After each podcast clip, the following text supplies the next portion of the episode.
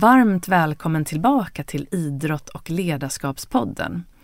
I det här avsnittet får du höra till mitt samtal med Per Schlingman. Per är författare, entreprenör och rådgivare och han är också expert inom kommunikation, strategi och framtidsfrågor.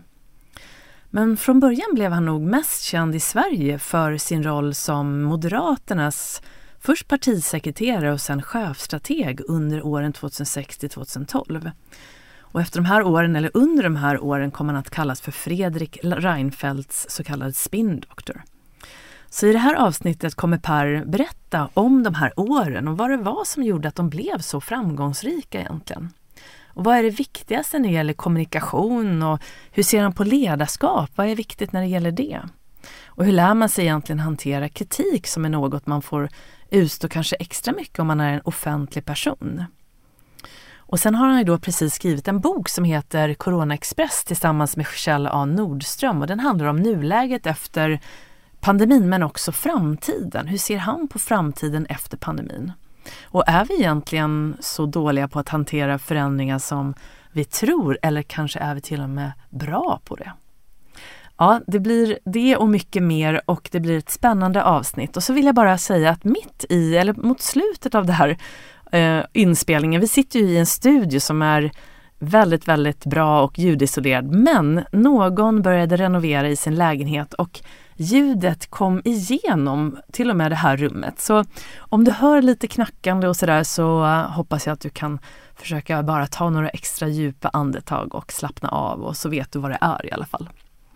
Men nu önskar jag dig en riktigt trevlig lyssning, att du har möjlighet att luta dig tillbaka, ta några djupa andetag och så kör vi.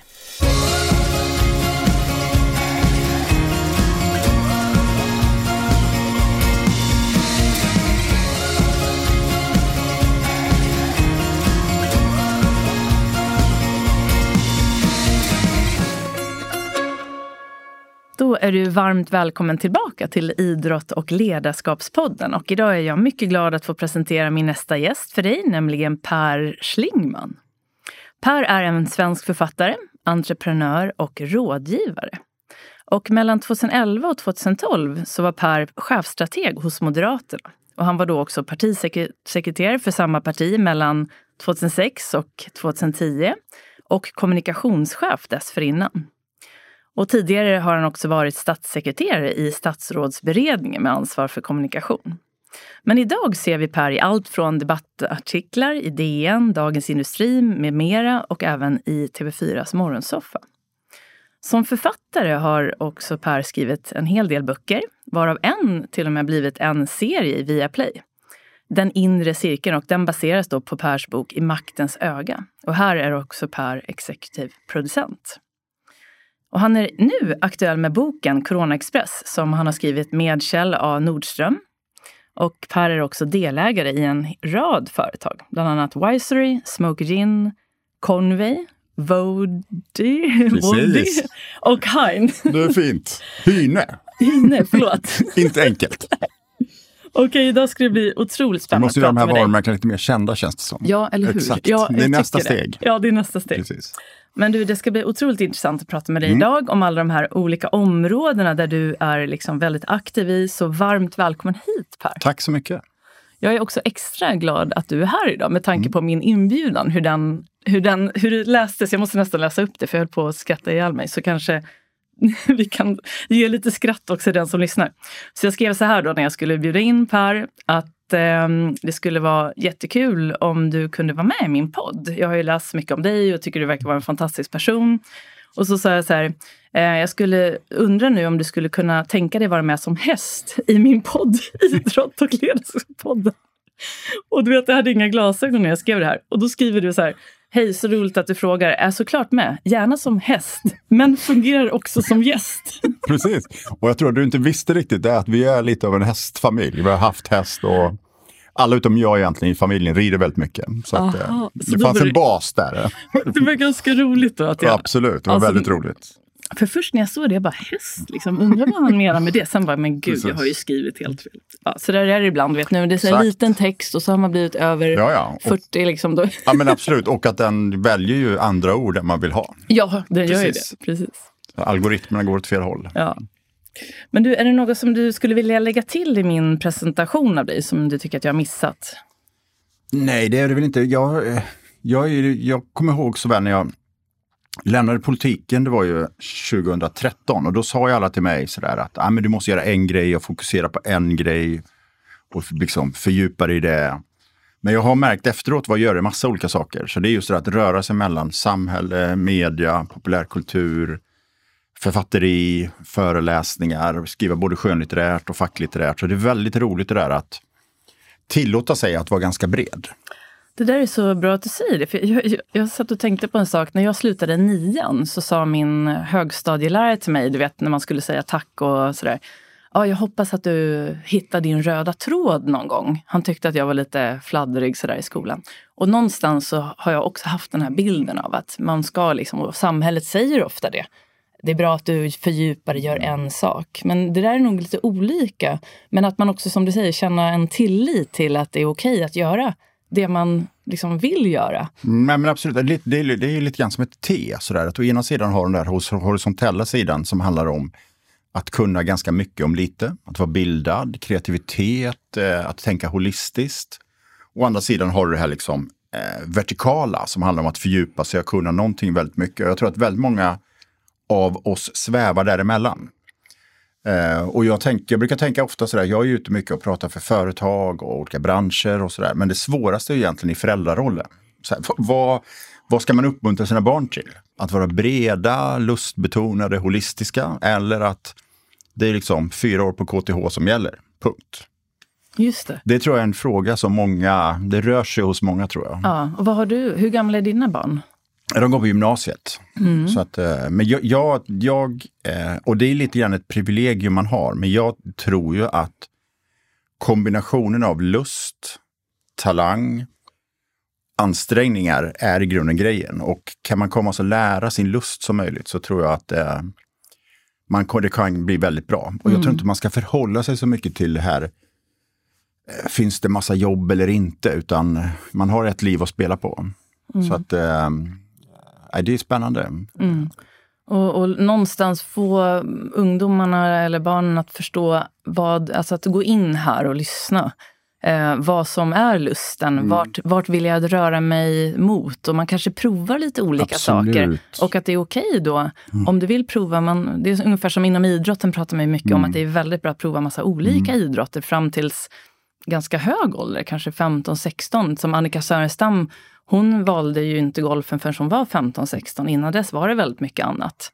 Och eh, man behöver inte stressa så mycket med att välja ibland. Nej, och jag håller helt med. Jag tror därför att det är väldigt bra att byta jobb ganska ofta. Eh, jag tror att det är bra att byta plats där man bor ganska ofta. Och jag tror också att det är intressant där, för jag tror att om man tittar på hur företag kommer styras framöver eller vilka kompetenser som kommer att bli viktiga, så tror jag just det är de här holistiska, breda, människors interaktion med andra människor, teknologi med människor och väldigt mycket av det som är i den här vertikala T, det är ju sånt som sannolikt kommer att automatiseras. Mm, just det. Så att jag tror att eh, den typen av kompetenser som handlar om psykologi och kognitiv förmåga och skapa samarbeten, eh, tänka nytt, ta kända enheter och hitta på någonting nytt och sådär. Det tror jag kommer att vara väldigt viktigt framöver. Mm. Ja, det ska ju bli jättespännande. Vi kommer komma tillbaka till det här med din bild av framtiden som du till och med har skrivit en bok om, eller flera böcker om. Men jag tänkte då till att börja med, så där, om du skulle förklara lite mer vem du är. Jag brukar börja den här intervjun med Vem är Per Schlingman? Hur skulle du svara ja, om man det visste. Ja. det hade varit väldigt spännande. Nej, men jag, men jag, jag är ju en person som eh, är väldigt nyfiken.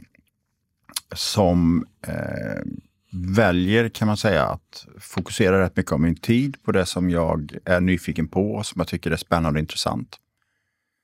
Som... Eh, ja, men så, jag, jag trivs och utvecklas väldigt mycket med andra människor. Tycker om, exempelvis när jag skrivit böcker på senare tid, så har jag skrivit det ihop med andra människor. Jag tror väldigt mycket på det här att interagera och jobba med andra. Jag älskar när man står på scen att göra det tillsammans med andra det är någonstans att, att eh, och det kanske är lite grann min lust sådär. Plus tror jag det här att också hela tiden, svårigheten är lite grann baksidan av att om mig själv, det är att jag har väldigt svårt att säga nej. Men just det där att pröva saker och ting, att börja, börja liksom förhållningssättet med ett ja. Mm. Eh, och ibland så, jag tror att det var framförallt förra året, när pandemin kom, så var det så väldigt mycket saker jag hade i, som låg i byrålådan som jag då kunde börja aktivera. Eh, så det var ganska mycket ett tag där med olika entreprenörsgrejer och startade en gin och vi startade massa saker. Och så. Jätteroligt men jag kände ett tag att nu är det lite för mycket kanske. Mm.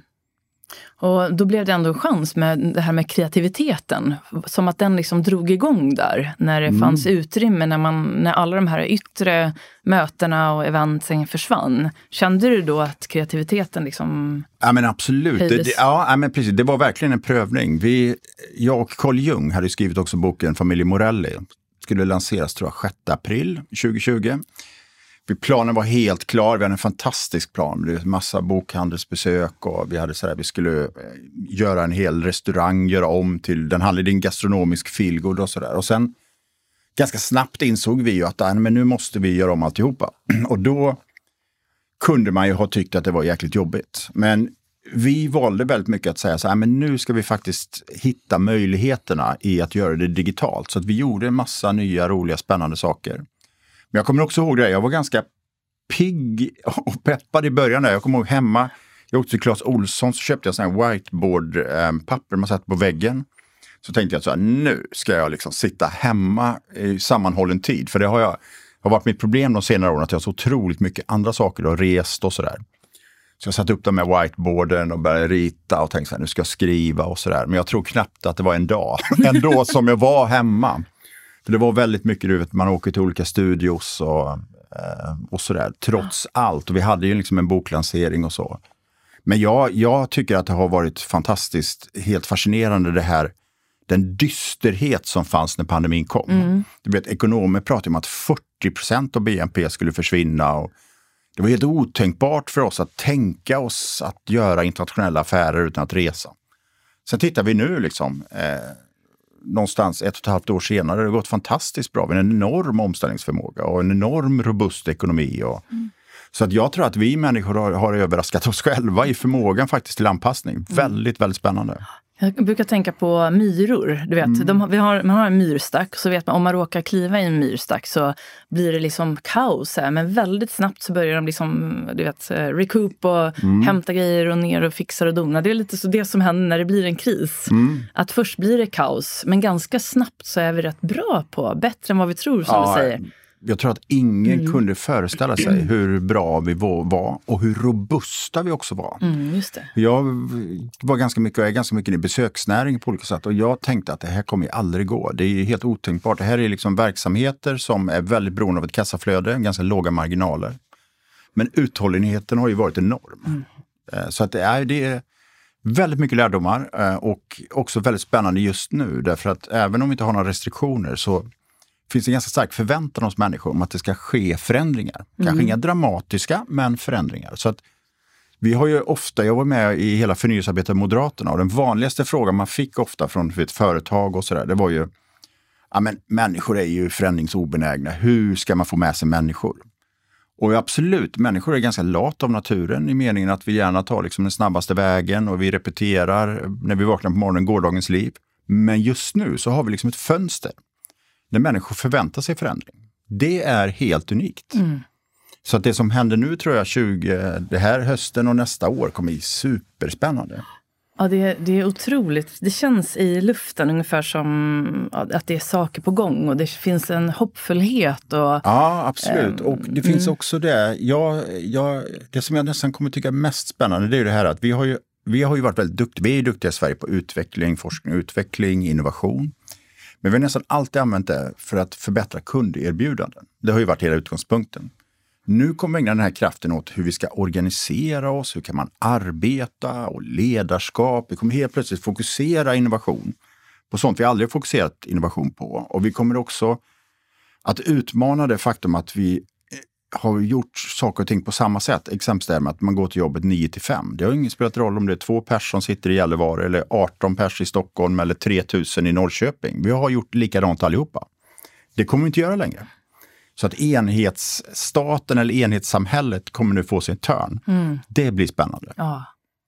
Så det där är ju som det är nu och vi kommer komma tillbaka till nuet och framåt. Men jag tänker din bakgrund är mm. spännande för många känner ju igen dig då från den här resan när du var med och tog Moderaterna till den här mm. jättesuccén då, framförallt där 2010 när ni fick så många röster. Du kallades för Fredrik Reinfeldts spindoktor. Och, men för att liksom börja med din bakgrund, mm. så hur kom du liksom in i politiken för första gången? Ja, nej, men jag, jag är född och uppvuxen i Borås. Eh, väldigt mycket in i textil och tekobranschen. Eh, sålde dragkedjor, knappar och sybehör och axelvaddar och sådär. Tyckte att, tycker att det är väldigt fascinerande och väldigt spännande. Men sen så när jag skulle konfirmera mig, att jag var 15 år, så satt en kille som hette Martin bredvid mig. Och sen sa han så här, men du vet det finns något som heter, tror jag heter moderat skolungdom. Och på den tiden så var ju Sverige väldigt annorlunda. Det fanns liksom bara en tv-kanal. Eh, skolsystemet var väldigt så här strömlinjeformat och det var lite grann som att eh, också liksom utmana etablissemanget. Så då gick jag med där. Eh, och på den vägen är det. Så, mm. och jag tyckte det var så otroligt fascinerande. Jag kommer ihåg, jag, började, jag tror jag skrev min första debattartikel när jag var 15. Så att skriva har jag någonstans, eh, lite oklart hur och varför, alltid eh, fallit tillbaka till. Jag tycker det är, så, det är nästan som att ha en liten bebis som man skriver mm. en bok. Det är väldigt härligt det där. Det finns alltid någon som lyssnar på en och som, ja, som trilskas också. Och som ger en utmaningar. Eh, ja, men, och sen så gick det egentligen på den vägen och jag sen eh, pluggade jag ekonomi och nationalekonomi i Göteborg. Då blev jag väldigt fokuserad på det. Tyckte det var superintressant. Kom in på sån här forskar eller mastersutbildning. Tänkte gå den. Men då fick jag ett samtal om jag vill bli pressekreterare i Haninge kommun. Mm. Och du vet, jag, jag, hade ganska svårt för Stockholm på den tiden. Jag tyckte var så otroligt mycket folk och sådär. Men, ja, men vi kör, tänkte. Hade egentligen ingenting, åkte upp med en liten resväska och eh, har varit kvar sedan dess. Då. Det här är 90, 89, 90 något sånt där. Mm.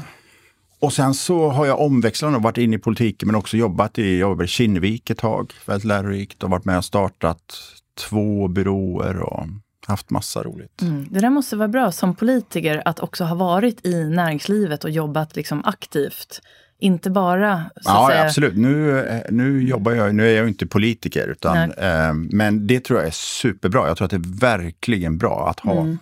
både, tror jag, det här perspektivet att eh, ha jobbat i företag och kanske ha sett hela kedjan från så här kostnadssidan, och kundsidan och talangsidan, vad som krävs. Men jag tror också det här i, i mitt fall har varit betydelsefullt att jag inte är född i Stockholm, utan jag kommer någon annanstans ifrån. Mm, så jag är på det sättet en äkta stockholmare, nämligen inflyttad stockholmare. Så vad var det som du tror, jag tänker på den här liksom resan som Moderaterna då gjorde, mm. när du började jobba där mm. och du fick det här uppdraget och eh, så ledde det då till den här succén. Um, ni satte liksom Moderaterna, de blev helt, det här nya Moderaterna. Mm. Vad var det som du gjorde, tror du, som ledde, vad var ditt bidrag eller liksom, som ja. gjorde att det blev den här stora succén? Jag tror först så är det så att bakgrunden var ju att Moderaterna gjorde ett väldigt dåligt val 2002. Det var, skapade ett utrymme för förändring. Uh, och det andra kan man säga, det var ju också att, och i det här fallet var ju Fredrik Reinfeldt som egentligen skapar ett ledningsteam runt sig där flera av oss kom utifrån. Och att komma utifrån gör ju att man är mycket mer eh, riskbenägen i meningen att man tänker att det här är inte någonting jag ska göra hela livet, utan jag går in här tillfälligt. Anders Borg kom in och sådär. Så vi kom in med ganska friska, pigga ögon. Och vi hittade liksom en unik eh, samling människor, eh, som, och det var väldigt tillitsbaserat. Eh, så att vi litade väldigt mycket på varandra. Och det jag gjorde någonstans, det var att jag jobbade ganska mycket med trial and error. Uh, nu, man, man minns ju bara när man skriver historien så ser man ju bara det positiva. det. Men vi prövade oss fram. Uh, jag hämtade, ofta jobbade man med så externa byråer. Så jag hämtade hem, vi gjorde väldigt mycket själva. Uh, och Ja, men det var väldigt roligt och sen är det ju en väldig fördel när det väl börjar gå bra. Du vet när vi hade presskonferenser så kom alltid media. Alltså, det, och sen så var det både liksom Moderaterna och hela alliansbygget och sådär. Mm. Eh, men också det här att, jag kommer ihåg så väl, eh, det som var egentligen den kommunikativa kärnan, det var ju det här med eh, Sveriges nya arbetarparti, skulle jag säga, som jag tror var kommunikativt avgörande. Därför att det skapade, det, det gjorde att människor kände att man var tvungen att förhålla sig till Moderaterna. Problemet som många företag och partier har, det är att de faller i glömska. Man har en gång bestämt sig att jag kör inte det bilmärket eller röstar på det partiet och sen så gör man inte det. Men då kommer jag ihåg att vi försökte göra en sån här mätning. Det här var ganska länge sedan, det fanns ganska trubbiga instrument. Men då mätte vi, vi gjorde något som heter Vi älskar Sverige som var en sån här paroll som oppositionsparti. Vi hade Nya Moderaterna och Sveriges Nya Arbetarparti. Och slutsatsen var så här när det gäller eh, Nya Arbetarparti är att det saknar all trovärdighet hos väldigt många. Men människor blir nyfikna och människor, det skapar en emotionell känsla. Så då kommer jag ihåg att vi pratade om det och jag kommer ihåg var jag gick till och med. Jag gick från bussen hem, jag bodde i Nacka då. Och då kommer jag ihåg, då bestämde vi att nej men nu kör vi bara på det. 100 procent. Därför att nu har vi hittat någonting som faktiskt väcker en känsla. Och det, och det var egentligen mot all typ av data, mot all typ av undersökningar. Och det tror jag är avgörande här, att faktiskt våga stå för någonting själv och våga utmana. Men då blev det också liksom ett maratonlopp. Därför att du vinner inga korta segrar, men däremot du måste vara konsekvent och långsiktig och hela tiden hålla i det. Och sen var det egentligen en, en, resa som var extremt kreativ där vi liksom hittade olika sätt att hela tiden prata om samma sak. Arbete och sen så blev det liksom en hel kedja kan man säga från det här Sveriges nya arbetarparti, Nya Moderaterna, arbetslinjen eller bidragslinjen. Så att det blev liksom ett helt system. Mm. Och det utvecklas väldigt mycket via trial and error, lyssna på människor. Eh, ihärdighet var viktigt. Mm. Eh, första gången vi använde det här begreppet Sveriges nya arbetarparti, då var det ingen som brydde sig. Och sen så fortsatte vi lite och sen så vid ett tillfälle så tryckte vi upp, tror jag det var, sex stycken affischer till en presskonferens och då smällde det till. Så det man måste vara ihärdig. Mm. Långsiktig, ihärdig, konsekvent, men också kreativ. Mm. Så att man inte bara blir förväntad. Precis, så min, eh, jag hade en fråga här, vad är det viktigaste just i rollen när, man, när det handlar om kommunikation? För mm. du just som kommunikationschef, skulle du säga att det är liksom samma ja, saker idag, där? Det har hänt väldigt mycket idag. Idag mm. har ju liksom hela kommunikationslandskapet förändrats. Och då fanns det väldigt mycket masskommunikation. Idag är det mycket mer det här att alla äger sina egna nätverk. Så det, om det då var så att en kunde nå väldigt många, så är det idag så många som kommunicerar med många. Och vad man måste bli idag, det är att bli ett samtalsämne. Man måste få människor att vilja prata om dig. Och egentligen så tappar man ju makt, därför det är ju hur människor pratar om en som är avgörande. Så det tror jag är en väsentlig skillnad. Sen finns det en aspekt till som är väldigt komplicerad tycker jag och det är ju det här med om man, om man vänder på det och funderar på vad är det viktigt när vi fattar beslut om att välja parti? Eller går och handlar, eller byter jobb, eller kanske åker till driving rangen och slår bollar. Alla de besluten handlar om framtiden. Att kunna påverka framtiden på den korta sikten, vad man har för mat ikväll, till den lite längre sikten. Och Problemet när man kommunicerar är att man så gärna pratar om det som är här och nu, det man känner till. Ännu hellre det som har varit, därför att det upplever jag att vi känner till ännu mer. Och jag tror det här att hitta de här symbolerna, berättelserna som gör att människor upplever att det handlar om framtiden. Att vara framtidsinriktad. Och jag ägnade massa tid åt det här, att försöka förstå hur människor förhåller sig till framtiden. Det är inte så att vi tänker oss själva som en avatar, var är jag 2030? Utan allting börjar ju nu. Och vad är det som gör att exempelvis vi tycker att Google är så superframtidsinriktad? Det är inte för vad de gör. De har ju en supertråkig i hög grad affär. Molntjänster och så. Här. Men vad pratar de om? Google-glasögon och den typen av saker. Det går inte att köpa. Men det, det stämmer överens med vår bild av framtiden. Så plötsligt så upplever de som framtidsinriktade och de är jätteattraktiva på talangmarknaden. Mm, just det. Inte vad de gör, utan vad de aspirerar på att bli. Mm. Det tror jag är nyckeln. Mm, just det. Så jag tänker på, apropå den här eh, tiden nu, om vi nu innan, när du fortfarande var liksom i politiken. Vilka, var det något så här, man brukar prata om att det inte finns något misstag utan att det bara finns lärdomar. Mm. Så när du ser tillbaka, vad har varit dina liksom största lärdomar? Eller var det något misstag du märkte som sen blev då den här viktiga lärdomen? Som du har tagit med dig? Ja, nej men jag minns så jätteväl när jag började. Jag kom då från, jobbat ganska flera år i näringslivet och hela utgångspunkten där var att egentligen alla skulle hela tiden vara överens. Så kom man in i partiet och plötsligt så är det bara hela havet stormar och man fattar beslut på helt andra sätt och sådär. Så det som jag, den viktigaste lärdomen tror jag, eh, det är just det där att ledarskap handlar också om att våga flytta fram positionen lite grann. Att våga stå för något eget, våga utmana lite grann. Och det är klart att i efterhand så kan man ju säga att det, det kunde vi ju i olika situationer gjort annorlunda. Jag gjorde en del eh, kommunikationsaktiviteter som egentligen i efterhand kan tyckas vara katastrofala. Det mest absurda jag gjorde kan jag säga, det var att i vår iver efter att vi vann valet 2006 så hade vi en stor kampanj som hette Nu äntligen har Sverige fått en arbetarregering.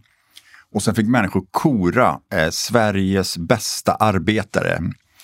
Och då skulle man vinna en resa med arbetsmarknadsministern och det blev ju otroligt ironiserat och sådär. Och jag har funderat väldigt mycket på det.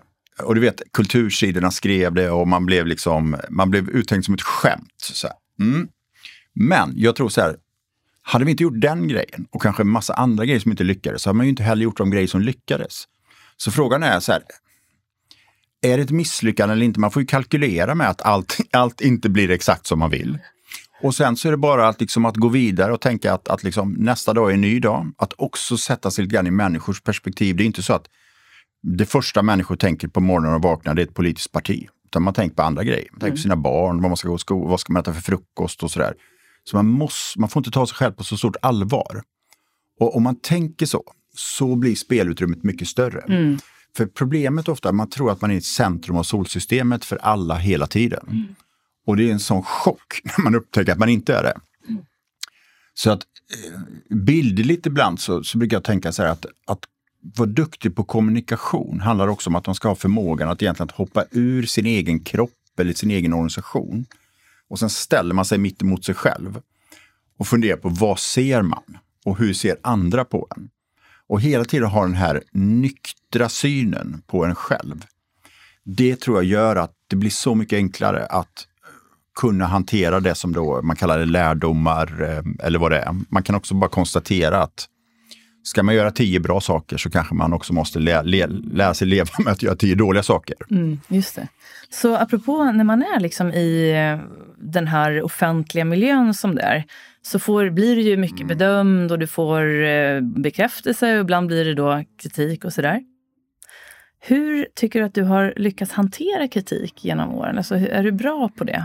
Ja, men till en början var det väldigt jobbigt. Eh, och jag var väldigt oförberedd på det. Jag hade ju inte tänkt att jag själv skulle bli ett namn som folk förhöll sig till. Utan jag tänkte att jag går in och jobbar med kommunikation här, men det är liksom andra personer som är ansiktena utåt. Och så var det ju i hög grad. Men det var också i tilltagande grad, inte minst när jag blev partisekreterare och sådär. Så att, att jag plötsligt själv blev ganska synlig i olika sammanhang. Och det innebär att man får ju liksom väldigt mycket kommentarer och blir kallad för propagandaminister och allt sånt där. Och till en början tyckte jag det var ganska jobbigt. Till en början så var det så att om det var riktigt jobbigt, så där, jag, hade, jag kommer ihåg att jag var med i Ekots lördagsintervju, att det, det var katastrof tyckte jag själv. jag fick frågor som att det var helt orimligt att de skulle få och sådär. Ja, nej, men det var katastrof och då, då tror jag att då gick jag inte in och läste. Då är det bara att stänga av. Och sen får man tänka, imorgon är en ny dag. Men det som hände vid ett, jag kan inte komma på exakt vad, men jag bestämde mig vid ett tillfälle för att sluta ha den här synen på att vakna på morgonen och tänka att nu ska jag vara älskad av alla. Det är för att det går inte att vara älskad av alla om man gör saker och ting som utmanar internt, externt och, och så vidare. Utan jag tänkte så här, det jag ska göra det är att jag ska se till att bli respekterad av alla. Och när jag väl hade bestämt det, då blev det väldigt mycket enklare. Och jag tror att det är, det är verkligen en rekommendation jag brukar ha när det gäller ledarskap. Mm. Det här att det är så svårt, inte minst om man har liksom blivit ledare i en organisation, jobbat tidigare, haft människor som kollegor och sen ska man plötsligt ta ett ledaransvar. Att man måste inse att det går inte i varje sekund att vara älskad av alla, hur mycket vi än vill. Men däremot så går det att vinna respekt. Och du kan också respektera dem du inte håller med. Mm. Och jag tror att om man tar återigen det här med Moderaternas förändring och sådär, att det kanske inte var så att alla höll med oss. Men man hade en enorm respekt för att vi hade en plan. Och då kunde man förhålla sig till den här planen. Och det här tror jag, inte minst liksom postpandemi nu, att många företag har en utmaning att medarbetare, och kunder och andra måste känna att de har en plan. De har en idé, en plan, ett förhållningssätt. Den kan ändras. Men just det där att inte ha det. För då överlåter man åt människor att själv sätta bilden och fundera på, okej, okay, på ditt företag, hur tänker de där när det gäller distansarbete? Jag har ingen aning. Så att ja, det blir väl så att vi får jobba någon dag hemma, inte vet jag. Ja, just det. Så man måste, tror jag, vara väldigt kommunikativ och ha en plan. Och mm. det kan man säga, det, det, upplevde jag i min tid i politiken att i tilltagande grad eh, så, så insåg jag det. Eh, och jag insåg massa saker också när det gäller mig personligen. Det här att eh, jag tycker att det är väldigt svårt med rekrytering. Och alltid tyckte. För rekrytering handlar om två saker. Det handlar om att se vad människor har gjort, den formella erfarenheten. Men det handlar också om att se potentialen i människor. Och det är så oerhört enkelt att se potentialen i människor som man upplever väldigt lika en själv. Men så otroligt svårt att se det i människor som inte är det. Så att jag har en enorm respekt för rekrytering, mm. som jag tycker kanske är det allra, allra svåraste. Mm. Och just jag vet, du jobbar ju, har ju haft eh, kvinnor runt dig, mm. både som mentor mm. och liksom jobbat med och, och det, där brukar man, jag är ju kvinna själv, mm. och just jag brukar prata med många som jag coachar och mm. mental, om det här med att skilja då på person och prestation. Så det du är inne på nu, det här att eh, släppa bekräftelsen liksom, och, och rikta in sig på planen och på eh, det här som man kan påverka och ah, respekten då till exempel istället. Men har du något mer tips som du brukar ge för att lära sig släppa taget av sådant som du inte kan påverka, till exempel vad andra tycker om dig? Nej, men alltså, jag tror att grundtipset är väl också man har för förhållningssätt till sig själv och till sitt eget liv. För att jag brukar ofta tänka att man har faktiskt bara ett liv. Man kan tycka olika där, men jag tror, det är min tro, att man har ett liv. Och då måste man också tänka, vad ska man fylla det med? Eh, och tänka att man kanske också vill liksom utmana sig själv och åstadkomma någonting. Eh, det var faktiskt någon idrottsperson som sa en ganska smart och intressant sak till mig någon gång. Han sa så här att den dagen man slutar att ha tillfällen under sin dag där man är lite nervös, då eh, måste man fundera på att göra någonting annat. Och jag har gått och funderat på det mycket sen eh, och jag tror att det ligger någonting där. Man måste känna den här kittlande spänningen, känslan som man ofta känner när man gör någonting nytt eller när man i mitt fall är det ofta när man träffar personer som man känner att det här liksom, det klickar väldigt, väldigt väl och sådär. Mm. Och, eh, och jag tror att man måste söka sig till det här. Eh, så, så det tror jag liksom det ena här, att inte vara för rädd. Och sen brukar jag också tänka så här att det här med risk är ju nästan det det, det liksom handlar om till slut. Att man vill inte ta för stora risker. Det är ju självklart så att man ska inte ta oöver, liksom, risker som är större än man behöver ta.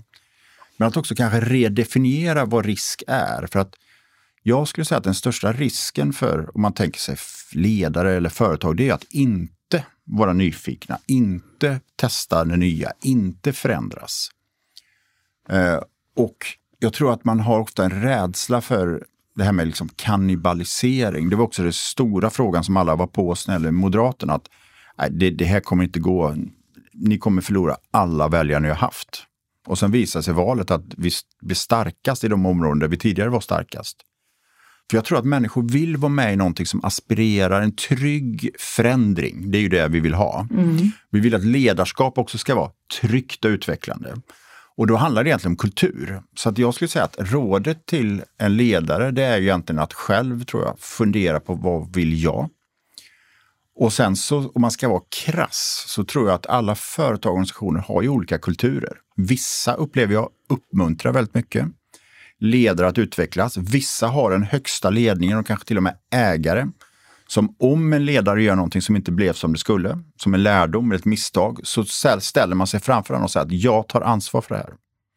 Därför att det är bra. Jag kommer ihåg, jag jobbade ju som, som jag sa i Kinnevik ett tag och då det var ju, gick ju massa myter. Jan Stenbeck levde på den tiden. Det gick ju massa myter och sådär. Men det var ju så att han kom ju ibland helt o, alltså oannonserad.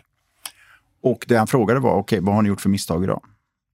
Och, och det, är ju, det var ju ett sätt för honom att bygga en berättelse om sig själv. Men det påverkade kulturen och det gjorde också att människor vågade ta ut svängarna lite mer. Mm. Precis, för rädsla är ju motsatsen egentligen till nyfikenhet. Mm. Så för att uppmuntra då till att våga göra misstag Så, att, så behöver man ju träna på det. Och, och det där var ju en briljant att fråga vad ni gjort för misstag idag, ja. så att det till slut inte blir så konstigt. Nej men tvärtom, att det är det som mm. belönas. Ja. Man måste fundera på, vad har jag gjort några misstag? Alltså, man får liksom nästan gräva i där man för, annars förtränger. Just det, exakt. Så att det så kommer att, upp till ytan. Eller hur, mm. precis. Så att, mm. eh, Sen, sen så är det väl så att allt ledarskap handlar om en balans. Det handlar om en balans mellan ordning och reda, struktur, bygga på erfarenhet, men samtidigt också innovera och göra det nya. Och här finns det vissa forskare, de menar ju att det här är som eld och vatten. Jag tror inte det, men jag tror att det nya som händer nu, det är framförallt i stora organisationer, att man, man klarar inte riktigt längre av att både se till att leverera här och nu och samtidigt göra det nya. Så jag tror man måste bryta ut mer av innovation, projekt och jag kommer också ihåg, det var rätt spännande för, vad kan det vara, tio år sedan kanske, när de här första coworkingplatserna kom. Det var ju så här medlemsbaserade platser. Och då i Stockholm hette den SUP 46, Startup 46 och, så här, och hela inriktningen, hela varumärket, allting handlar om att locka de här nya unga entreprenörerna. Men sen när man gjorde det så såg man vilka som också knackade på dörren. Det var de stora företagen. För de insåg att vi måste bryta oss loss och hitta andra miljöer. Så att vi liksom kan stödja den här kreativiteten och sådär. Därför att om vi bara repeterar vårt sätt att arbeta så finns det väldigt lite som säger att vi kommer helt plötsligt att tänka väldigt mycket nytt. Mm. Så jag tror att det är också en del av det nya ägandet och del av det nya kulturbyggandet och en del av det nya ledarskapet. Det här att aktivt fundera på hur är vi ständigt en lärande organisation? Och hur bryter vi upp oss? Och det finns ju något, jag tror att det är Hogia som är något svenskt företag som har som idé att så fort vi blir mer än 50 personer så startar vi ett nytt företag. Mm. Så det är egentligen bara, om jag, jag tror att det är Hogia, det, det, det, det är ett nätverk av massa medelstora företag. Med insikten att blir vi för stora så blir vi för trögrörliga. Mm. Och apropå ledarskap nu då, mm. så har jag funderat mycket på hur ledarskap ser ut just i politiken. Och man brukar säga då en autentisk och en ärlig ledare mm. är någon som får följare, någon som man mm. vill följa den här personen, då är det en riktig ledare. Så hur går det i politiken att vara liksom autentisk och ärlig? Hur tycker du, vad har du för liksom syn på det? Kan man vara det i politiken där man då har en bild av att det finns väldigt mycket spel bakom kulisserna och mm. man måste förhålla sig till det då samtidigt som man då har den här liksom, ja, men liksom- absolut, jag, mm. jag, tror definitivt att det går. Jag tror att man måste som, om man är en politisk ledare, om vi ser på alla toppnivå, så måste man, man måste bestämma sig någonstans för var går gränsen för min privata sfär. Och jag skulle absolut rekommendera alla att ha en privat sfär. Eh, därför att annars så tror jag man kommer vakna upp en morgon och tänka, var det här allt? Mm. Eh, och man måste hitta det här utrymmet som är det privata, som är de privata vännerna, där man kan liksom ventilera och skvallra och så vidare. Det tror jag är första. Det andra är att det finns ett enormt tryck eh, från omvärlden som hela tiden har synpunkter på att du måste vara gladare, du måste le mer, måste prata mer visioner. Massa tryck på hur man ska vara. Och det, det, är väldigt lätt i dagens upplevelsebaserade mediesamhälle när eh, det kommer massa inbjudningar att vara med och dansa i tv och allt vad kan göra, att mm. falla för det. I vissa fall så är det rätt, för att det är en del av den egna personen. Jag tror ju att liksom, det man söker hos politiker är inte alltid den roligaste, eh, färggladaste, utan man vill ha någon som är långsiktigt trygg hos sig själv det var ju, kan man säga, den stora frågan med Fredrik Reinfeldt, att, att det var en ständig diskussion om att han är väldigt tråkig och pratar inte om visioner och sådär. Men över tiden så väckte det en enorm trovärdighet. Och jag tror att nyckeln, eh, det var att insikten om att ledarskap är inte one man show. Utan ledarskap är ett team. Och det tror jag var helt centralt, att ha liksom ett team, i det fallet med Fredrik Reinfeldt, Anders Borg, Carl Bildt, alla med olika personligheter eh, som kompletterar varandra. Så att, och jag, men jag upplever problemet idag med politiken är att det blir mer one man show. Och vi förväntar oss att en politiker ska vara allt. Den ska stå där i krisen när liksom någonting tungt händer. Den ska dansa med kossan Doris i SVT. Och den ska liksom göra, vara allt. Eh, och här tror jag man måste bara inse att det är, så är det inte. Utan man måste vara sig själv. Jag tycker Annie Lööf är ett annat exempel på en person som över tiden genom att vara sig själv eh, har vunnit trovärdighet. Så det, det, utmaningen här är ju att det tar tid. Mm. Det tar tid att vinna trovärdighet som politisk ledare. Och problemet är att det politiska landskapet blir kortare, kortsiktigare, kortsiktigare. Mm. Så att det skulle jag vilja säga är liksom, det går absolut att vara autentisk, men mm. då måste man våga stå emot lite grann. Mm. Ja men precis, och bygga upp sig själv, alltså jobba väldigt mycket med sin egen mentala mm. styrka, för det är ju där den här modet finns, att då våga vara sig själv även när du är en offentlig person. Ja, och, och plus det här absurda, lite jag sa innan det här, man måste ha förmågan att hoppa ur sin egen kropp. Men egentligen att skapa en replika av sig själv. Alltså förmågan, det kan låta helt absurt där, men förmågan att se sig själv i tredje person. Just det. För när du får så massiv kritik och du blir förlöjligad och får hat och allt sånt där, så måste du liksom se att det är det är någonting som kommer på den offentliga personen. Om det är Ulf Kristersson, eller Ebba Busch eller Stefan Löfven. Och man måste ha ett jag som bara är mitt. Och det här tror jag att man måste ganska tidigt klara ut med sig själv. Mm. Eh, och det här gäller ju inte bara politiker, det gäller också företagsledare. Mm. Eh, på olika sätt. Så att eh, priset för offentlighet i den här miljön när många kan kommunicera med många är ganska hög. Jag tänker mm. på också hela metoo-diskussion. Alltså, man, eh, plötsligt så hamnar man i ett läge som ledare eller offentlig person när man utan att själv kunna påverka det också kan bli föremål för väldigt mycket diskussioner. Mm.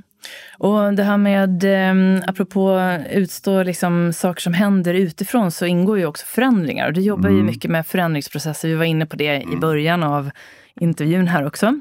Eh, vilka egenskaper tror du att man behöver liksom stärka, apropå att bygga sig själv från grunden, för att just hantera förändringar bättre? jag tror att eh, det i grunden handlar om så här självförtroende, självinsikt. Eh, känner man sig trygg med sin egen kompetens, eh, sin egen plats i tillvaron, så tror jag att det är mycket enklare att bejaka förändring.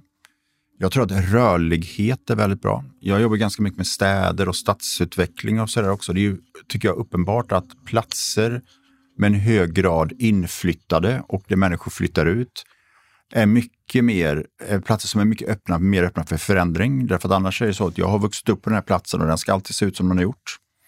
Annars så kommer man till en plats eh, och kan man mer fundera på den här platsen, hur skulle den kunna bli bättre?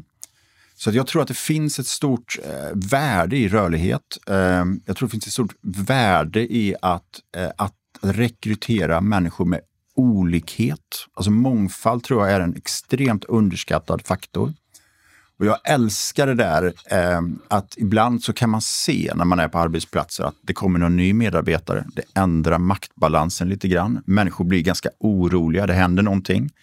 Jag tycker att det är en väldigt intressant dynamik. Och jag tror att det är helt nödvändigt, den här dynamiken. Lite grann det här, eh, man måste bli lite nervös, det måste hända någonting. Men i grunden tror jag att det är trygghet och jag skulle säga att Sveriges absoluta styrka som nation här, det är ju att vi kan kombinera trygga människor med kreativitet. Mm, alltså man vågar vara kreativ.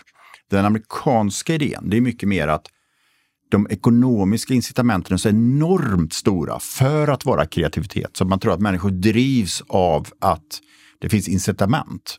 I Sverige är det mycket mer trygghet, men om vi förstärker incitamenten, exempelvis för att arbeta eller sådär, så kommer vi få en väldig hävstång på det.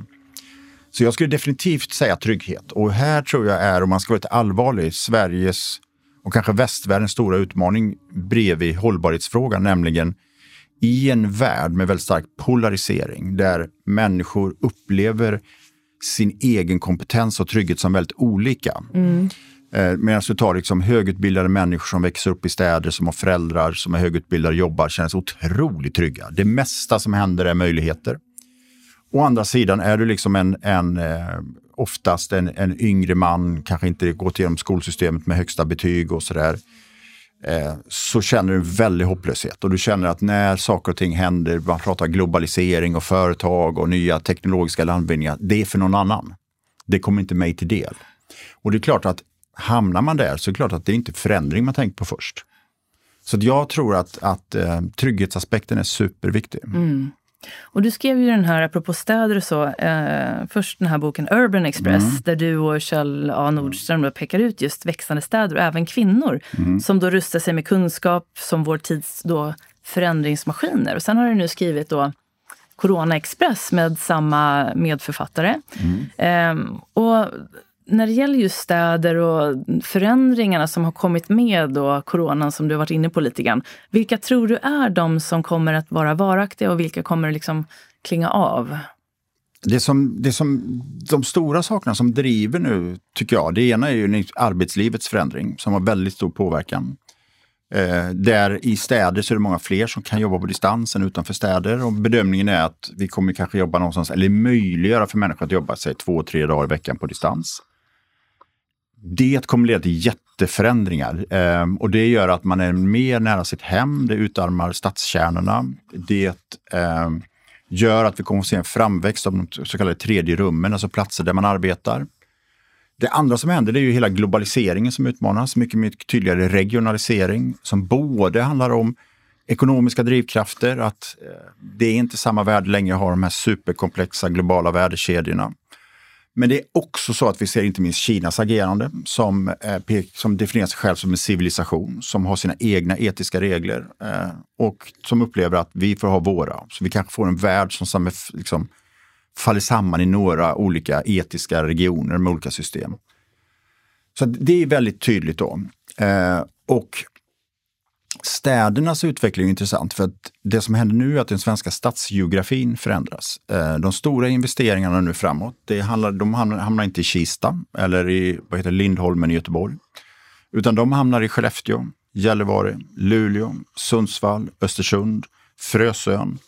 Senast ett, ett spanskt företag som ska investera 10 miljarder för att försöka få fram fossilfritt gödsel. Så det är, det är någonting intressant som händer. Vi ser att de här regionhuvudstäderna med 100 000 går som tåget. Eh, vi ser också hur stadskärnorna utmanas. Så vi behöver ha förändra stadskärnorna. Mer av eh, boende, mer av livskvalitet, mindre av traditionell handel. Eh, och mycket, mycket fler platser för arbete, för småskaligt hantverk. Det är en enormt spännande, intressant utveckling framåt. Och eh, det kommer snarare bli så att vi har en städer blir ett nätverk av kvarter snarare än funktionsbaserat. Att man jobbar på ett ställe och bor på ett ställe. Utan allt kommer blandas mycket mer. Och allt kommer behöva bli väldigt tillgängligt. Så det är superspännande. Jag tycker det som också har slagit mig, det är ju förutom det vi pratade om i början här om att eh, vi var väldigt mycket dystra i början. Så är det också så att det verkar vara nu som att hållbarhetsfrågorna verkligen eh, har kommit på allvar. Och man pratar ju länge det här om hållbar utveckling, hållbar tillväxt. Nu tror jag att vi ändrar på det och vi säger så här.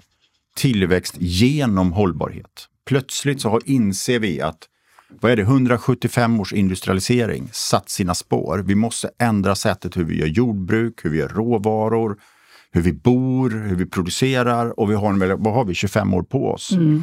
Och nu ser vi hur det i alla branscher, i värderingar hos människor, det är någonting som händer. Det går från liksom en värdering till ett fundamentalt skifte tror jag. Och det mm. sammanfaller nu då med det här den här tiden som, som jag tycker man kan kalla för år noll, alltså efter pandemin, folk är öppna för förändring. Det är som modellera, som är mjuk, som inte har stelnat än.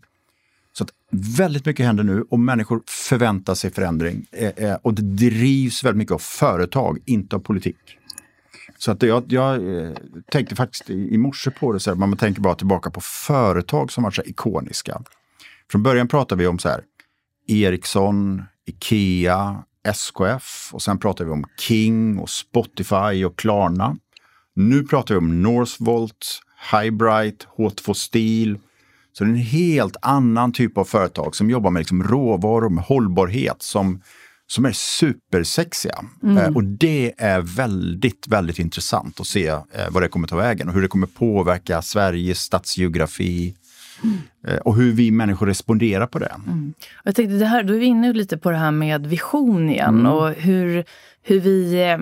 Inom mental träning så pratar man ju väldigt mycket om att det blir ju som vi tänker. Du kan ju mm. visualisera något om framtiden mm. om man tänker ett världsrekord eller någonting mm. för att förbereda kropp och sinne för mm. att komma dit. Och de bilder som kanske har funnits under en period har varit ganska mörka har jag upplevt. Mm. Vet du, när man tittar på Netflix, det är väldigt mycket mörkt och det är liksom Absolut. deprimerande. Dysfunktionellt ska det gärna vara. Ja, dysfunktionellt och det är liksom vi nästan gottar oss i det där. Mm. Men nu, apropå det här du pratar om nu, så blev jag så inspirerad av det här ja, inlägget visst. du gjorde efter de här e-förvaltningsdagarna du var med.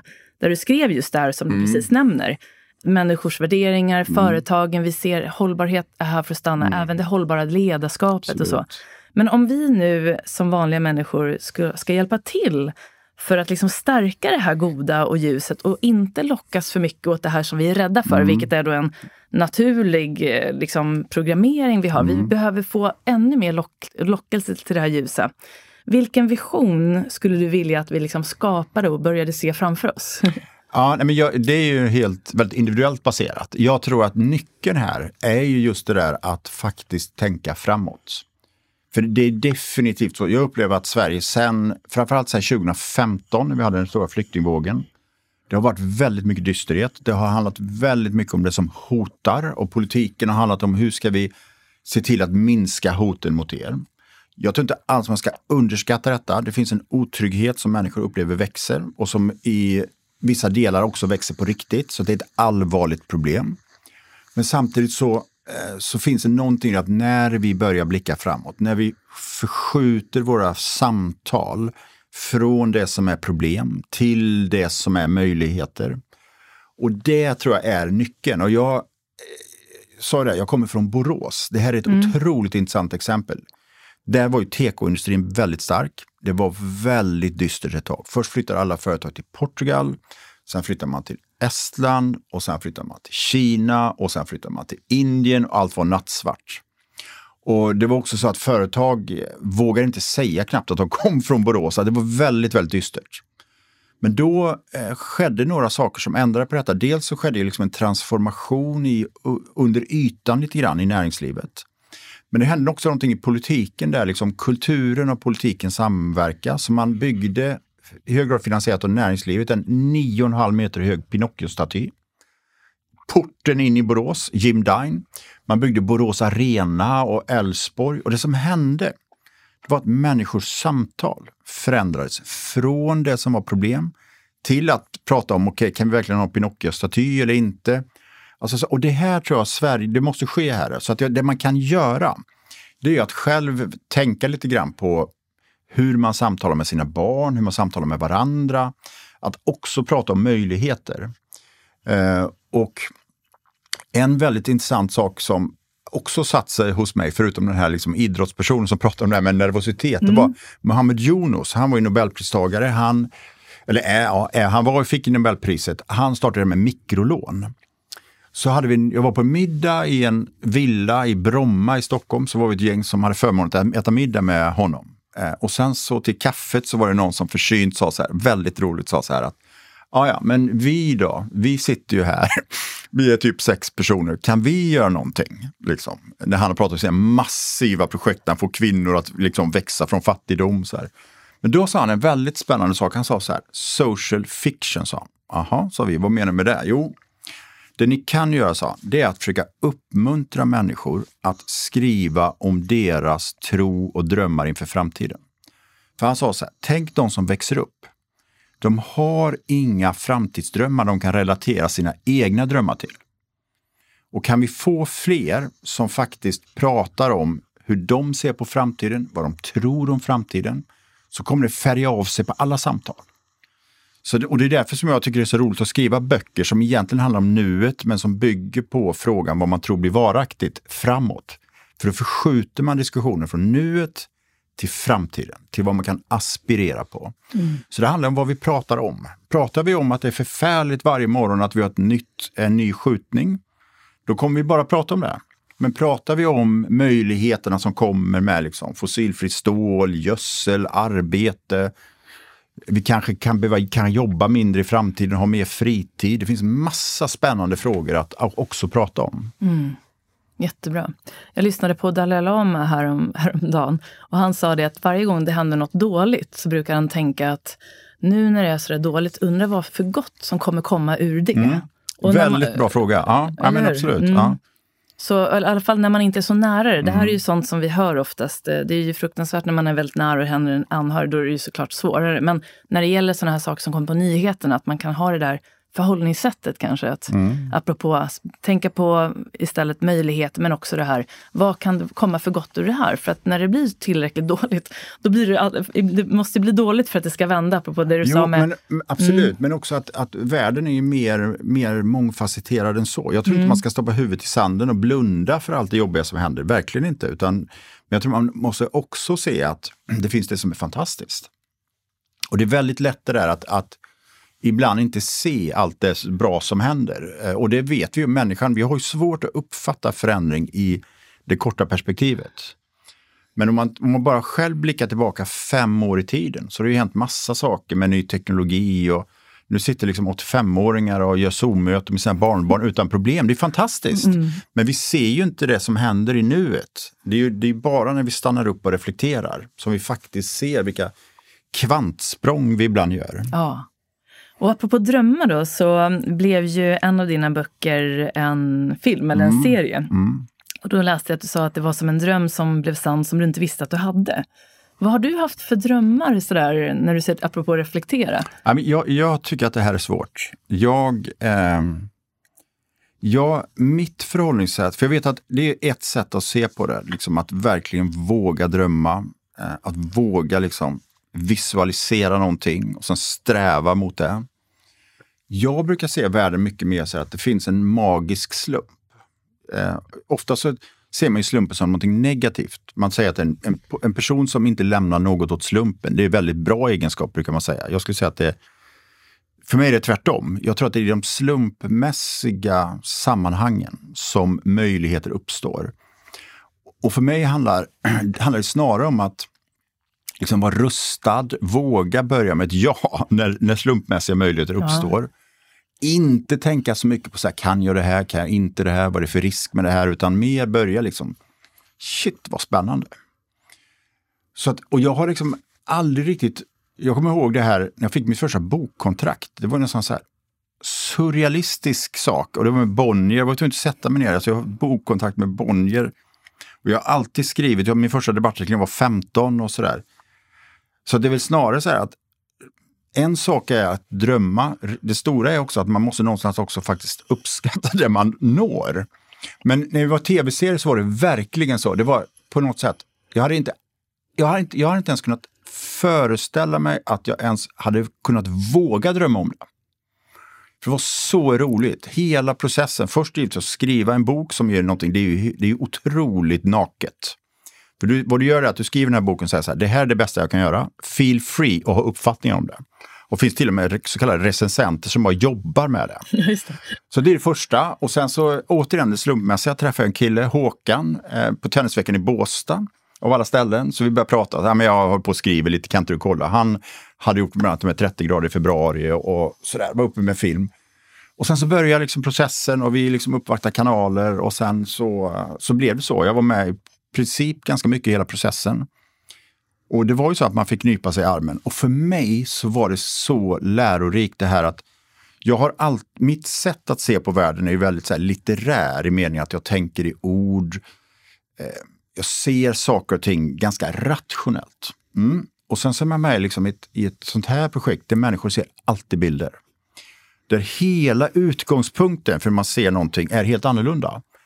Och jag, du vet, jag, jag, skrev inte manus, men jag läste manus och sen skulle jag skriva uppföljaren. Eh, jag tror att det var den här boken Harpsund tur och retur. Och då märkte jag att jag började skriva det som ett manus. Mm. Första var så här, text-tvn står på och sen så liksom rullar den som om jag såg en bild framför mig.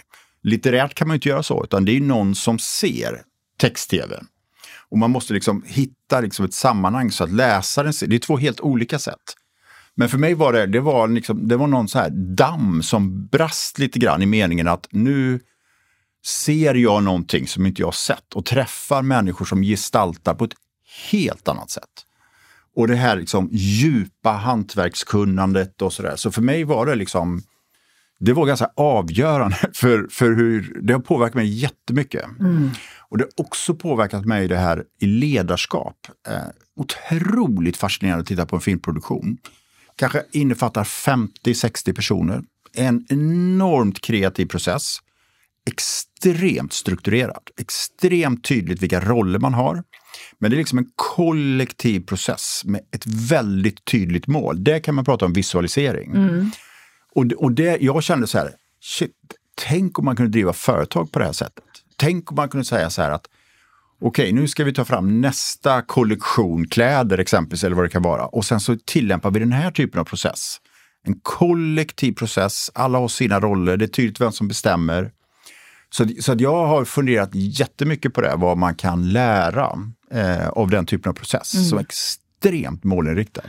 Det är lite, jag tänker när du pratar om det, för du tycker ju om mat och sen den Ja, här ja, andra boken handlar ju om den här familjen Morell, om just den här restaurangbranschen. Ett kök är ju, Ja, skulle du säga att det är lite liknande med de här tydliga rollerna? Man har det här gemensamma målet av att leverera en fantastisk rätt. Men den här Mm. hierarkin, tydliga roller. Ja, nej, men det finns någonting i det som, som faktiskt, det har inte jag tänkt på, som är likt. Just det här att, att det, man, hela kontexten är kreativ. Mm. Det är upplevelsebaserat, men det är extremt tydligt vad alla har för roll. Och jag kommer så väl ihåg de första tagningarna vi gjorde interiört. Och då så var det liksom ett, ett, ett vardagsrum, byggt upp en studio. Och sen så är ju då, så är det tagning, då är alla står blickstilla. Och sen när tagningen är slut, då börjar alla jobba. Och det finns någon som har liksom till exakt ställer tillbaka så lika mycket vatten. Alla har sina roller och fallerar någonting, då fallerar ju allt. Ja, just det. Så man kan tycka så här att äh, men folk sitter aldrig och jobbar. Jo, det är det de gör, men de är hela tiden liksom... När man jobbar så måste man göra det exakt då, för varje sekund kostar jättemycket pengar. Ah.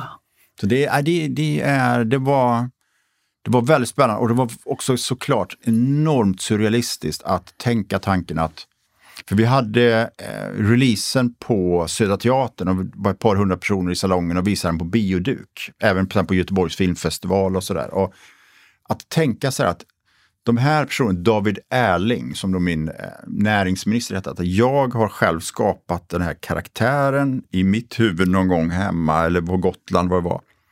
Och sen har den gått hela vägen, gestaltad av en skådespelare och sen så och den har, jag tror den har sålt i över 40 länder nu. Så att människor sitter och tittar på den liksom i Australien, i Kanada, i Ryssland. Det är ju helt surrealistiskt. Ja men det är ju det. Ja, vilken fantastisk Och, och det började någonstans med att man bara satt hemma, okej den här näringsministern, vad är, det för, vad är det för filur? Ja. Eller hur? Och nu har den blivit liksom levande och Ja, lever det- hos precis. massor Det är med människor. jätteroligt. Ja. Och nu håller vi ju på med Morelli. Det är ju väldigt roligt. Ja.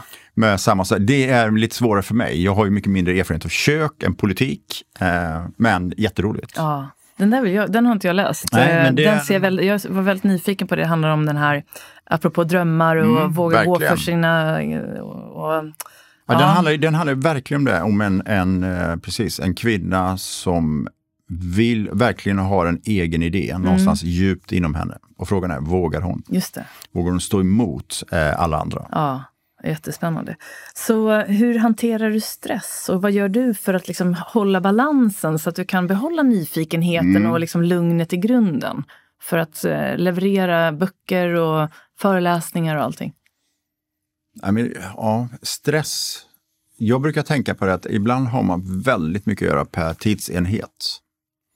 Eh, och att det snarare är så man får se det. Återigen det här att försöka hoppa ur sin egen kropp lite grann och se vad är viktigt, vad är mindre viktigt. Eh, jag har liksom någon liten filosofi och sådär, att man har två hinkar med energi. Den ena hinken är positiv energi.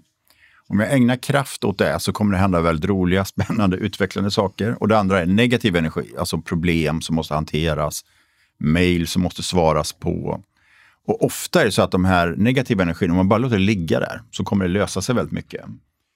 Eh, och att tillåta sig att inte hetsa upp sig. Eh, jag har alltid varit den på alla jobb jag haft som har absolut störst mailbox. Jag tror jag har 60-70 000 mejl, varav 10 000 obesvarade.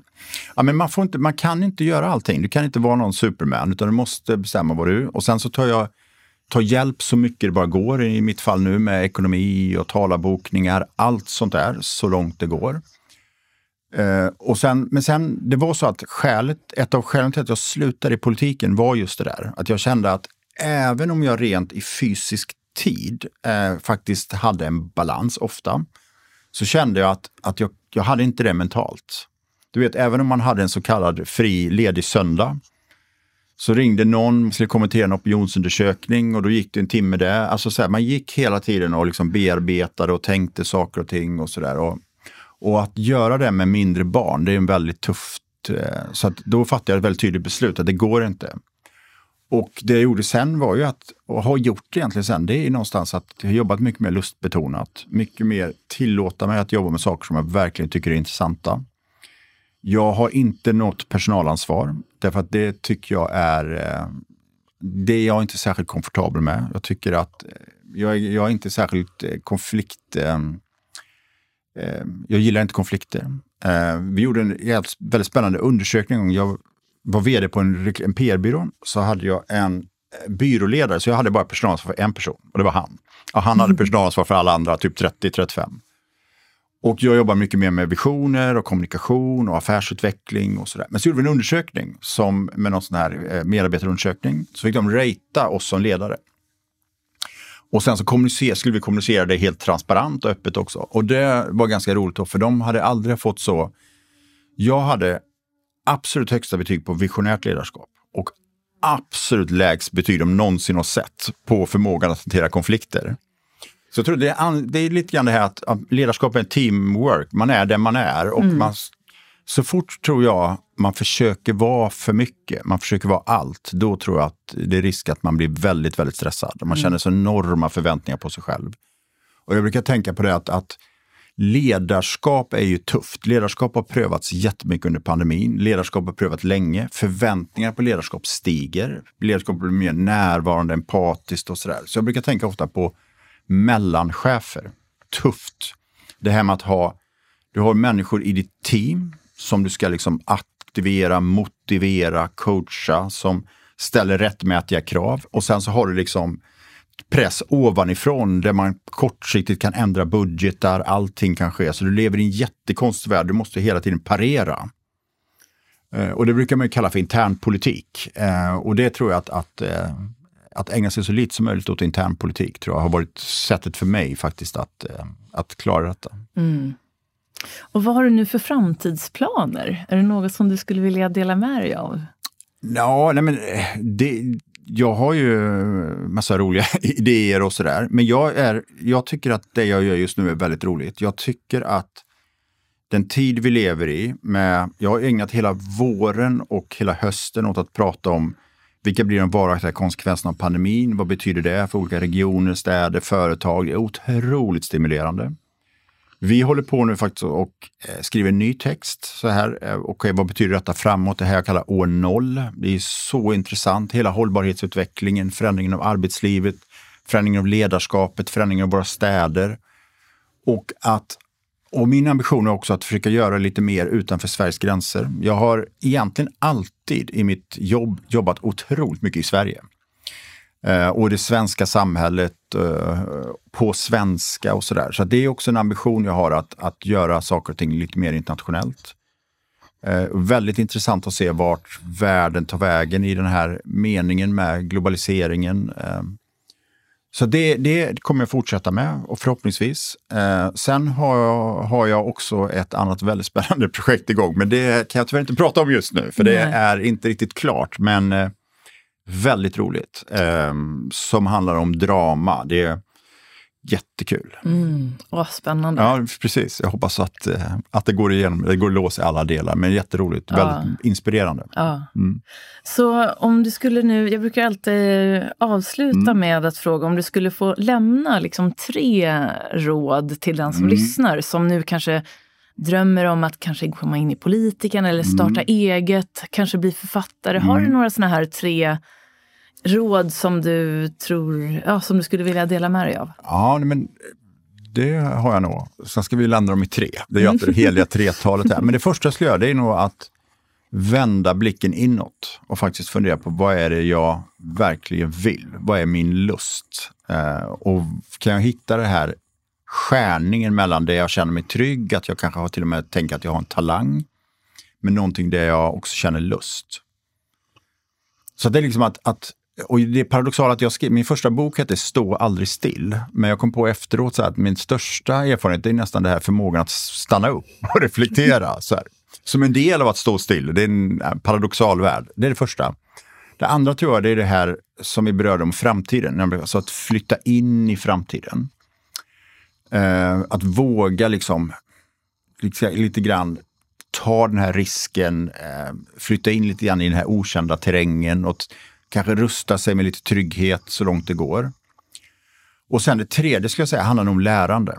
Eh, och jag har, när vi skulle nämna den här boken Urban Express, och vi tittade väldigt mycket på lärande. Vår slutsats var egentligen att allt handlar i grund och botten om lärande. Och vi tittade inte minst på anonyma alkoholister, deras form av lärande, den här liksom single loop learning och double loop learning, nämligen det här att inse att när vi vaknar på morgonen så är någonstans vår utgångspunkt, och det gäller oss alla, att vi repeterar det liv vi levde igår. Men att tänka på hur kan man göra saker och ting annorlunda? Hur kan man utmana sig själv? För att när man tänker på att saker kan göras annorlunda så ser man fler möjligheter. Och jag brukar ofta tänka på det i en väldigt praktisk mening. Någonting vi jobbar med i alla företag och den som vill bli entreprenör, att man jobbar med budgetar och många jobbar med affärsplaner och sådär, eftersom vi gör ju alla likadant. Men då är det ofta så där att, att man lite grann motvilligt erkänner att okej, okay, nu ska jag göra en budget för 2022. Då tar man 2021 års budget och sen justerar man den eller affärsplan. Istället för att börja med ett vitt papper. Det är mycket, mycket jobbigare, men du kommer inse att det finns val. Att Också tänka så här att alla beslut vi fattar är beslut. Även att göra likadant som jag gjorde igår. Så när man vaknar på morgonen så tänker man så att man, man tar det för självklart att man är gift med sin partner. Men det kan man också tänka är ett aktivt beslut. Och det är intressant, att se alla beslut som aktiva beslut, även om man har fattat ett beslut 10 000 gånger. Just det, så det är ändå ett nytt beslut. Det är, nytt även beslut. Om det... det är alltid, alltid ett nytt beslut. Mm. Men man ser inte det som nya beslut. Nej. Och det gör att man har en budget, så tänker man att nej, men 90% av kostnaderna är redan fixt. Det är de inte alls. Det är inget som är fixt. Mm. Ja, det var jättebra råd verkligen. Du, jag skulle vilja prata massor mer med dig, men eh, hur, eh, om du, är det någonting som du vill lägga till här nu innan vi avslutar? Vart kan man till exempel läsa mer om man vill följa nu din resa om de här ny, nya sakerna du är på gång? Aha, nej men jag, jag är ju likt alla på väldigt mycket på sociala medier, så att jag, jag tror nog att eh, Instagram eller LinkedIn. Sen eh, och då är det bara Per, per Schlingman? Ja. Väldigt enkelt. Och det mm. kan man också om man vill kontakta mig. Eh, jag föreläser ju också ganska ofta. Inte så mycket öppna föreläsningar, kanske blir framöver, vem vet. Eh, så det, det är bara att följa. Och sen så kan man också läsa, inte minst Corona Express som är en liten, liten bok, 62 sidor om en stor, stor pandemi. Eh, och att, för i den boken så ställer vi oss ganska mycket frågor, just frågor. Och jag tror lite grann att, att det är det här att i den gamla världen så handlade det om att ha ett utropstecken. Man skulle vara så tydlig och man skulle vara stolt och sin egen kultur och man hade 100% rätt. Nu handlar det mycket mer om att älska frågetecken.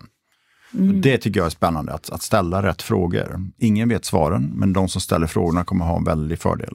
Mm. Och då kan man få lite hjälp om att flytta sig lite fram, in Absolut. i framtiden, fast lite sakta men säkert kan man säga, så att man kan försöka behålla den här tryggheten, men att man inte blir rädd mm. när man tänker på framtiden. För det tror jag många kan brottas med. Att, ja, men absolut, och sen, mm. och sen vara var väldigt nyfiken, mm. läsa saker och ting, inte tänka att det är inget för mig, utan eh, jag kommer ihåg när i den gamla, mer analoga världen, när jag var inne i politiken, så reste jag ganska mycket tåg. Och det sättet jag jobbade med då var att jag gick ofta in till Pressbyrån, så köpte jag typ 15 tidningar. Det kunde vara handarbete, fiske, jakt, mc-tidningar, vad som helst.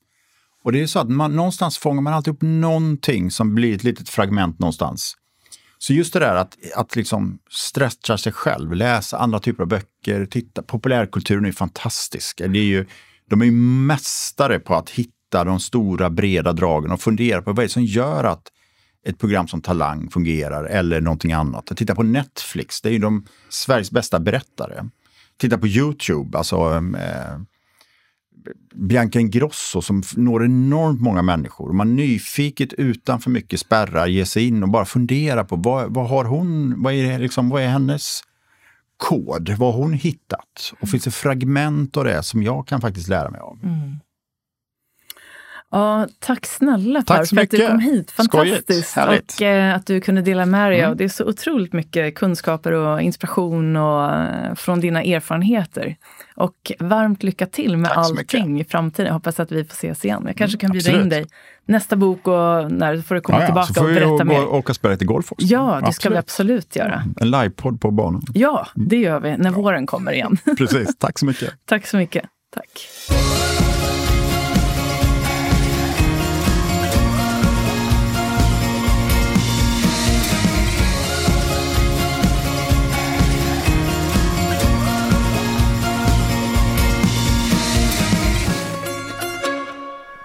Då har du fått lyssna till mitt samtal med Per Schlingman och jag hoppas att du har fått med dig en hel del kunskap och inspiration och kanske lite motivation som du kan då ta med dig in i din egen vardag. Och vill du då veta mer om Per så kan du följa honom på Instagram där han är väldigt aktiv. Där heter han bara snabel Per Schlingman. Och så kan du följa hans föreläsningar framöver och kanske om det kommer någon ny bok då framöver också så hittar du honom på www.perslingman.se. Och vill du veta mer om vad som händer i min verksamhet så går du in på www.jennyhagman.com och du kan också följa mig på Instagram och då är det snabel Jenny Hagman. Så varmt välkommen dit. Men nu önskar jag dig en fortsatt trevlig dag eller kväll och att du tar hand om dig och så hoppas jag att vi ses här snart igen. Hej då! Show.